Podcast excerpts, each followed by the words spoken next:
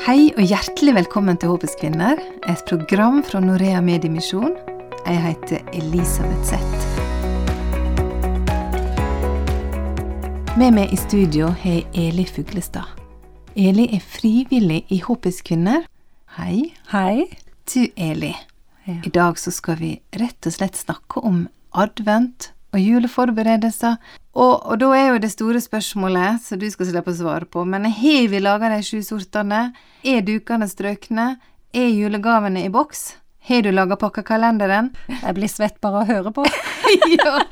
Men du, hva gir deg julestemning, Eli? Oh, jeg er født og oppvokst på Sørlandet, så snø og frost, der gir jo garantert julestemning. Julestjerner i vinduet, adventsdagen, julemusikk, lukt av mandarin og stearinlys, og julemusikk. Jeg er ikke noe musikkmenneske, men i desember så hører jeg mer på musikk enn jeg antakeligvis gjør resten av året. Når det er sagt, så er jeg veldig glad for at jeg ikke feirer ei stemning, for den er ganske flyktig. Og det er typisk at det kommer frost i november, og så forsvinner den i desember. Mm. Og den jakta etter stemninga, den, den tar aldri slutt. Men det er ikke stemning vi feirer. Det er sant. Det er ikke stemninga vi skal feire, sjøl om det er herlig med julestemning.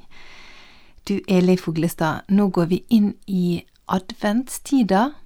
Noen kaller det førjulstida. Og jeg har lagt merke til det at um, flere av oss vi går mer og mer over til å pynte med rødt og disse her eh, fine julefargene, mens foreldregenerasjonen og i alle fall mine foreldre holder seg til lilla i advent. Har det noe å si hva farge vi pynter med? Ja. Lilla er nok egentlig den kirkelige fargen for advent. Eh, Men advent er ei ventetid. Det ligger i ordet. Og for kirka er det jo dette ei ventetid der vi venter på å feire at Jesus blei født en gang. Og så er det òg ei ventetid eh, i forhold til at Jesus skal komme igjen. Og den går vi kanskje litt glipp av i ei førjulstid. Eh, lilla fargen er ikke nødvendig, men den kan jo minne oss på eh, mer det adventsperspektivet. Ja, for når jeg var lita, så husker jeg litt julaften. Da skulle alltid lilla byttes ut. Så klart, det, det gir jo litt ekstra stress. Det gjør det. Og jeg vet om folk som sier at de, de jobber så mye før jul at det å pynte dobbelt, på en måte, det, det orker de ikke. Eh, De må pynte litt til jul jevnlig gjennom hele desember for på en måte å bli klar til jul. Mm. Eh, Og det er en ærlig sak. Eh, Sjøl har jeg valgt å pynte med altså bare lite grann, og med lilla, eh, i advent. Og så setter vi fram julekrybba, men ikke med alle figurene. Da er det kun dyrene og gjeterne som står framme, helt fram mot julaften. Da kommer de andre på plass. Og det er jo en liten, enkel påminnelse. Så det handler jo egentlig ikke om det du pynter med, men det handler litt om hva du legger i det, og hvor du har fokuset ditt. Har du noen adventstradisjoner som har betydd noe for deg? Ja, vi hadde en som vi brukte i flere år når ungene var små. Og det var at jeg tok et puslespill med julemotiv, og så fikk ungene plukke ei brikke eller to hver dag, alt etter hvor mange brikker det var i puslespillet. Og så klistra vi det opp. Og så på julaften var det liksom siste brikka på plass, da var det fullstendig bilde. Veldig fin tradisjon, eh, som egentlig jeg la vekk før ungene ville det. Men jeg kjenner jeg har lyst til å ta det fram igjen for min egen del. Hvor du fikk tak i et sånt bilde henne, da? Klippte du ut sjøl, eller? Nei, jeg kjøpte puslespill på bokhandelen. Ja. Mhm. Der er et godt tips til en Ja. adventstradisjon. Det vi gjør, det er at um, vi setter fram eh, stallen, og så litt gjennom adventstida så tar vi ut en og en figur. Av og til er jeg lagt til litt, for å få litt flere, flere figurer, og så forteller jeg historie knytta til den figuren. Og det krever jo klart, det krever jo litt fantasi å komme på de historiene, men det fins jo også gode bøker som har historier som en kan trekke fram, og fortelle litt for hver dag. Og på den måten så kunne få, ja, denne her ventetida, adventstida, inn igjen. Om en velger da å pynte med lilla eller ikke. Men du, Eli, i begynnelsen så ramser jeg opp alt som skulle være klart til jul. Stresser du mye med juleforberedelser? Jeg har både stressa, og jeg er ikke stressa. Eh, Men det er klart at jeg kan kjenne på mm, av og til en byrde av alt som skal gjøres klart. Og så er spørsmålet kanskje som mange kan stille seg, da, ja, men skal vi bare la være å pynte? Skal vi bare la være å forberede? Det blir så Ja. mye. Hvordan skal vi gjøre dette her? Men jeg tenker at ja, det er jul. Det er feiring. Eh, Og Gud fryder seg over at vi feirer, tror jeg. Det er mange hverdagsdager, sånn at de få høytidsdagene vi har, de kan vi veldig godt markere. Og, de, de markeres tydeligere ved at vi gjør forberedelse, Mm. for det krever litt ekstra. Så spørsmålet er jo mer hva vi gjør, og hvorfor vi gjør det. Ja. Gjør jeg det fordi alle andre gjør det, eller gjør jeg det fordi det gir meg og familien min en glede eller en betydning? Så det vil si at det er ikke sånn at vi som kristne egentlig burde ha kutta ut alle rammene rundt. Nei, jeg tenker ramme er bra. Har du den rette ramma, så vil den forsterke budskapet. Og sånn er det med jula òg, tenker jeg. Ja, sier Bibelen noe om, om dette her? Jeg tenker når vi ser på Bibelen og hvordan Gud har gitt forskrifter til de jødiske høytidene, og hvor liksom nøyaktig og detaljert planlegging og gjennomføring er, så har han behag i det. Han har behag i feiring og forberedelse. Men ikke at vi skal ta oss ut på det. Ikke at vi skal bli slitsomme og leie av det. Men det å glede seg over det, og få lov til å ha de dagene til å løfte blikket fra hverdagen, jeg tror det er veldig viktig.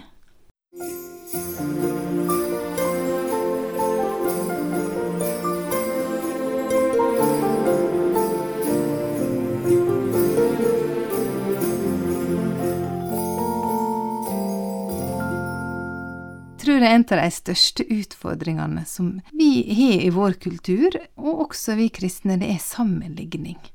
Vi sammenligner oss, og da blir vi stressa. Jeg er jo som så mange andre på sosiale medier, og det er jo ikke til å komme forbi at en eh, får jo vite hvordan andre forbereder seg til jul.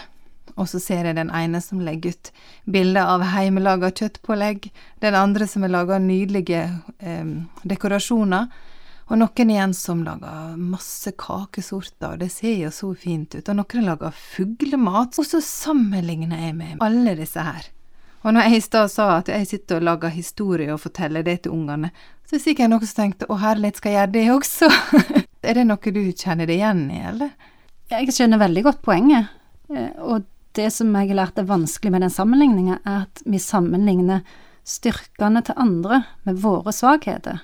Og derfor blir det så skeivt. Men at andre gjør det de er gode på, det de har glede av, det er jo kjempebra. Mm.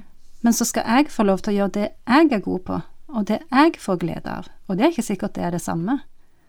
Nei, det er jo akkurat det. Og det har nok gått opp for meg mer og mer de siste åra at eh, jeg skal ikke bli stressa over at andre lager så fine julekaker. for det er ikke noe som gir meg energi. Det er rett og slett noe som suger energi ut av meg. Greit nok å kjøpe en ferdig deig av pepperkaker, altså, og lage det, og det gjør jeg veldig gjerne. Men kakene, de kan jeg kjøpe, eller få litt av svigermor. Eh, Og du nevnte det en gang når vi snakka om det tidligere her, at det er det så kjekt for familien hvis mor er helt utslitt på julaften, for at en skal tilfredsstille alle disse her skulle, burde, kunne, måtte, som vi blir presentert i både sosiale medier, men også i tradisjonen, da. Hva vi er vokst opp med, og vi ønsker å gjenskape disse her magiske stemningene, men vi klarer ikke å gjenskape det stresset som mødrene våre kjente på. Det som jeg har kjent på gjennom årene nå, er at, som jeg er veldig glad for, det er at jula kommer uansett. Ja. Enten jeg er klar eller ikke, så kommer den. Eller for å si det sånn, det avhenger ikke av at jeg er klar. Jula kommer likevel. Jeg trenger ikke å være klar. Men for all del, det er jo noen ting en ønsker skal være på plass. Noen viktige ting som på en måte skal være i bånn. Pinnekjøttet, det må være. Det må jeg ha. Pinnekjøtt eller ribba. og det er klart vi vil ha noen gaver, vi vil ha maten klar og, og litt pynt og sånn. Det er alt det andre vi legger på toppen som vi kan heller vurdere. Og det er, da er det veldig viktig å spørre seg sjøl hva er viktig for meg og min familie.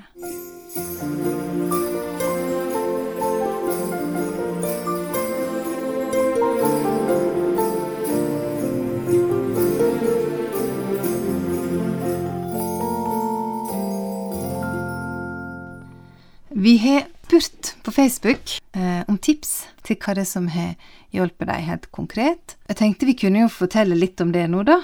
Det var ei som skrev 'Tenn masse lys og drit i støvet, og ikke vask inn i skapa. Det blir jul likevel'. Ja, veldig bra.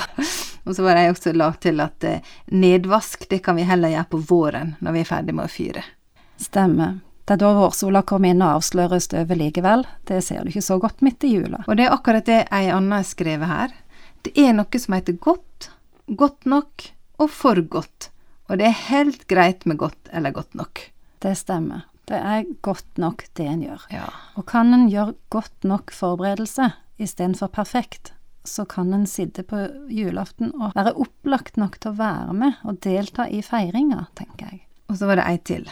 Hun skrev for å unngå å slite meg ut med juleforberedelse, skal vi snakke om hva vi ønsker i familien, og sette opp en plan for advent. Og prøve å fjerne unødvendige ting, og så kose oss med det vi ønsker å prioritere. Veldig bra sagt. Det var veldig kloke ord. Veldig klokt. Og det er noe med det å stoppe opp litt og prate sammen. Hva vil jeg? Både prate med seg sjøl og prate med de i familien sin. Hva er viktig for oss denne adventstida? Vi fikk tips på Facebook, men jeg har også snakka med litt damer rundt omkring i mitt nærmiljø, og her er de tipsa de har å komme med før jul.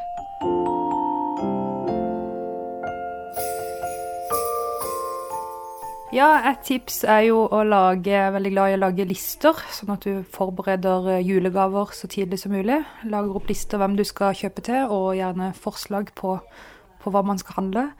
Og så har vi i vår familie så har vi en del eh, kusiner og fettere og tantebarn, så vi har blitt enige da vi tanter og onkler om å gå sammen og fordele litt hvem vi kjøper til, for å heller kunne kjøpe en større ting til eh, hvert barn, istedenfor at alle skal kjøpe små ting. Men blir ikke ungene litt sånn eh, misfornøyde med færre gaver, eller? Nei, det har de ikke pleid å bli. Jeg tror det blir så mye gaver uansett at de blir godt fornøyde.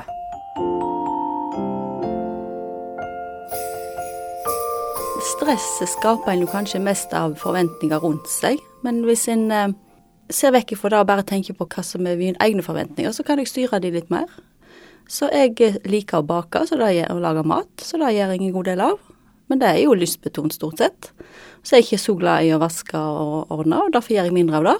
Så vet jeg det er i fin tid, for at vi gjør, gjør det som jeg har lyst til å gjøre, mer enn det som andre forventer at jeg skal gjøre.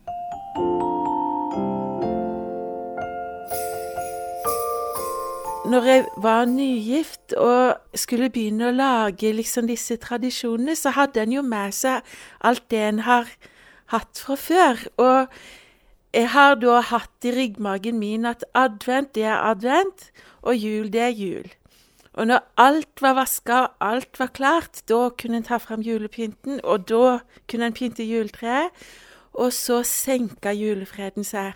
Og som barn så elska jeg å våkne opp og se åssen huset liksom skinte julaftensmorgen, men med en kjempesliten mamma. I begynnelsen så klarte jeg kanskje å gjøre det sånn, men etter hvert så har jeg rett og slett ikke krefter til det. Det blir for travelt på slutten. Hvis du skal putte inn liksom alt det, og ungene mine maser på meg at vi må begynne å pynte litt før. Så det er den ene tingen jeg har gitt meg på, at vi kan pynte sjøl om ikke vi har fått vaska. Pynte juletreet litt i god tid. Og i år så har vi vært og kjøpt inn litt ekstra julepynt som vi skal sette inn i begynnelsen av måneden. Så er vi liksom litt i gang.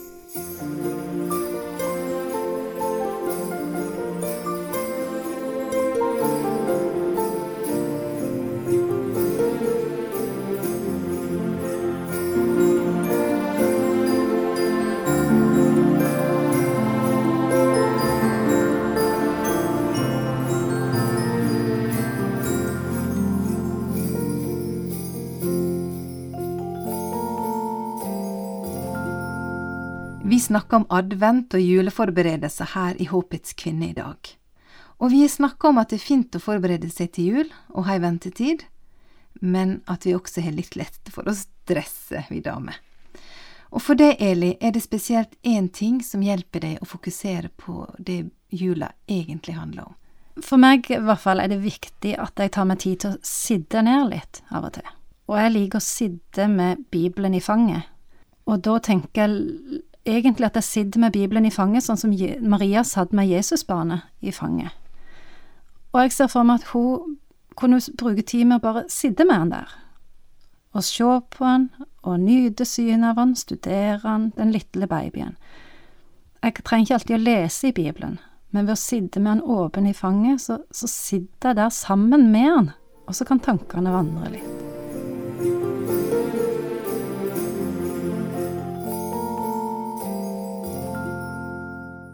Det er stille i stallen. Ei enkel rauting av ei ku, et lite lam som breker.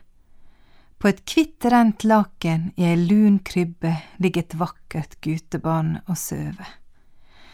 Ei vakker ung kvinne med røde kinn og et lyseblått sjal over hodet steller barnet, og faren, jo, han står og ler. Og så er det noen gjetergutter som springer fram og tilbake for å gi lammeunger i gave til babyen. Ja, julekortbildet kjenner vi godt til, og det er fint og greit å synge om det og tenke på det, men hvor godt, rolig og stille er det egentlig i en stall? Og hvor reint er det egentlig, med eselbæsj, edderkopper og lopper? Maria, ei ung kvinne på kanskje 14–15 år, ei med drømmer og framtidsplaner. Drømmer om bryllup om Josef som skulle lage møbler til heimen de skulle lage i lag, venninneprat ved brønnen og frydefulle banesteg og latter som skulle fylle håndverkerstaden. En dag greip Gud inn i historia hennes. Maria skulle bli mor til Frelseren, og flere måneder seinere befant hun seg langt, langt vekke fra det kjente og kjære, og sjøl om hun nok hadde vært med på mange fødsler, så var dette noe ukjent noe skummelt, og ikke minst var hun langt vekke fra mamma og fødselshjelperne. Og nå skulle hun føde barnet sitt, og det i en stall? Skulle Josef, snekkeren med de store nevene, ta imot guttebarnet som skulle komme? Barnet blei født, lagt i et matfat til dyra. De hygieniske forholdene var ikke så gode og tryggheten som familie og det kjente kan gi i en slik situasjon, var ikke der. Men Jesus, han som engelen hadde snakket om til Maria, og etterpå til Josef om, lå nå i armene, et bitte lite hjelpeløst barn. Og jeg ser for meg Maria se ned på dette guttebarnet og si, var det du? Det var det engelen snakka om. Han hadde sagt til henne, du skal kalle han Jesus, for han skal frelse folk fra syndene deres. Og dette barnet, Bibelen forteller oss i Filipperne 2 at han var i Guds skapning, og i den første boka i Bibelen så forteller forfatteren oss at den som skapte himmel og jord, ikke var alene, for han sa la oss skape. Sønnen var der i evighet og i lag med Gud. Han var med på å skape jorda. Jesus levde i herlighet og i nært forhold til sin far. Han ble opphøya lovprist av englene i himmelen. Han som var fra evighet av, han som skapte universet, valgte å bli bundet av en menneskekropp. Han valgte de begrensningene det gav. Ikke bare fattigdommen, stallen, den unge, uerfarne mammaen. Nei, han blei også en flyktning. Han blei en håndverker, og han blei også heimlaus som voksen. Gud kunne ha valgt et slott, han kunne ha valgt et rent sykehus ei erfaren voksen kvinne som visste hva hun gjorde når hun ble mamma. Nei, han valgte det laveste lave. Jeg tenker at Jesus hadde mye å si om hvem han kom til med måten han kom på og levde på. Hvis Jesus hadde valgt ei dronning som sin mor og et slott som sin barndomsheim, hvordan kunne han da ha forstått mennesket som lider? Hvis han ikke hadde opplevd å være flyktning, hvordan kan han da forstå de som flykter for sine liv? Og hvis Jesus kun hadde valgt høyt utdanna, intellektuelle menn til sine etterfølgere, og ikke håndverkere, landsforrædere, kvinner som både hadde synda og hadde kjent ondskapet på kroppen på så mange måter, kunne jeg kalt meg en Jesus-disippel i dag? Hvis Jesus hadde valgt en høg staselig hest i stedet for et lite eselføll, den dagen han skulle bli hylla som konge, kunne han da brukt hvem som helst i sin tjeneste? Derfor skal vi feire jul også i år. Vi skal få feire Han, det lille hjelpeløse guttebarnet, Han som egentlig var himmelens konge, Skaperen. Vi skal feire Han som gikk fra krybba til korset for å gi oss fred, frihet og et evig liv sammen med seg.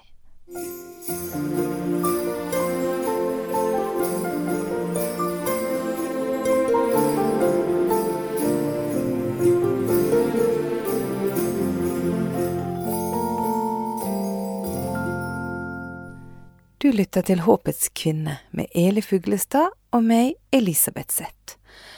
Og nå snakker vi om det å ta et pusterom i adventstida for å fokusere på budskapet om Jesus som kom.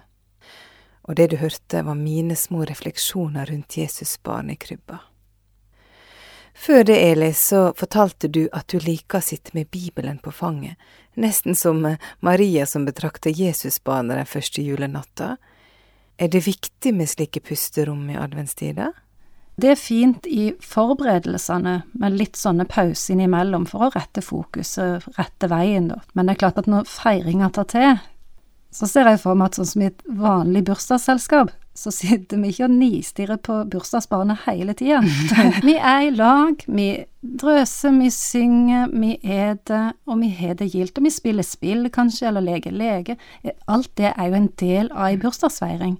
Og sånn vil det jo være med Jesus sin bursdagsfeiring òg, tenker jeg. Det er ikke det at vi skal sitte og nistirre på han hele tida. Men vi skal få lov til å feire og glede oss over mange ting. Òg mm. at han kom. Som lyset. Mm. Og den er jo veldig ille, syns jeg. Han kom som verdenslys, og i den mørke tida her oppe i nord. Og vi trenger så sårt den lysfesten midt på det mørkeste. Eli, hva skal vi konkludere med etter alt det vi snakker om her? Hva vil du trekke fram som ditt vil vi at uh, lytteren skal huske på? Det må være at det er lov å feire, det er lov å forberede seg, og så er det lov å senke skuldrene og gjøre det på sin måte. Amen, søster, sier jeg til deg. så ønsker vi alle våre lyttere ei riktig god adventstid, sammen med Jesus og sammen med de som du er glad i. Ha det godt. God jul. Du har lytta til programmet Håpets kvinne fra Norea Mediemisjon. Ønsker du informasjon om vårt arbeid, gå inn på norea.no. Der finner du også podkasten vår og informasjon om hvordan du kan være med og be for verdens kvinner.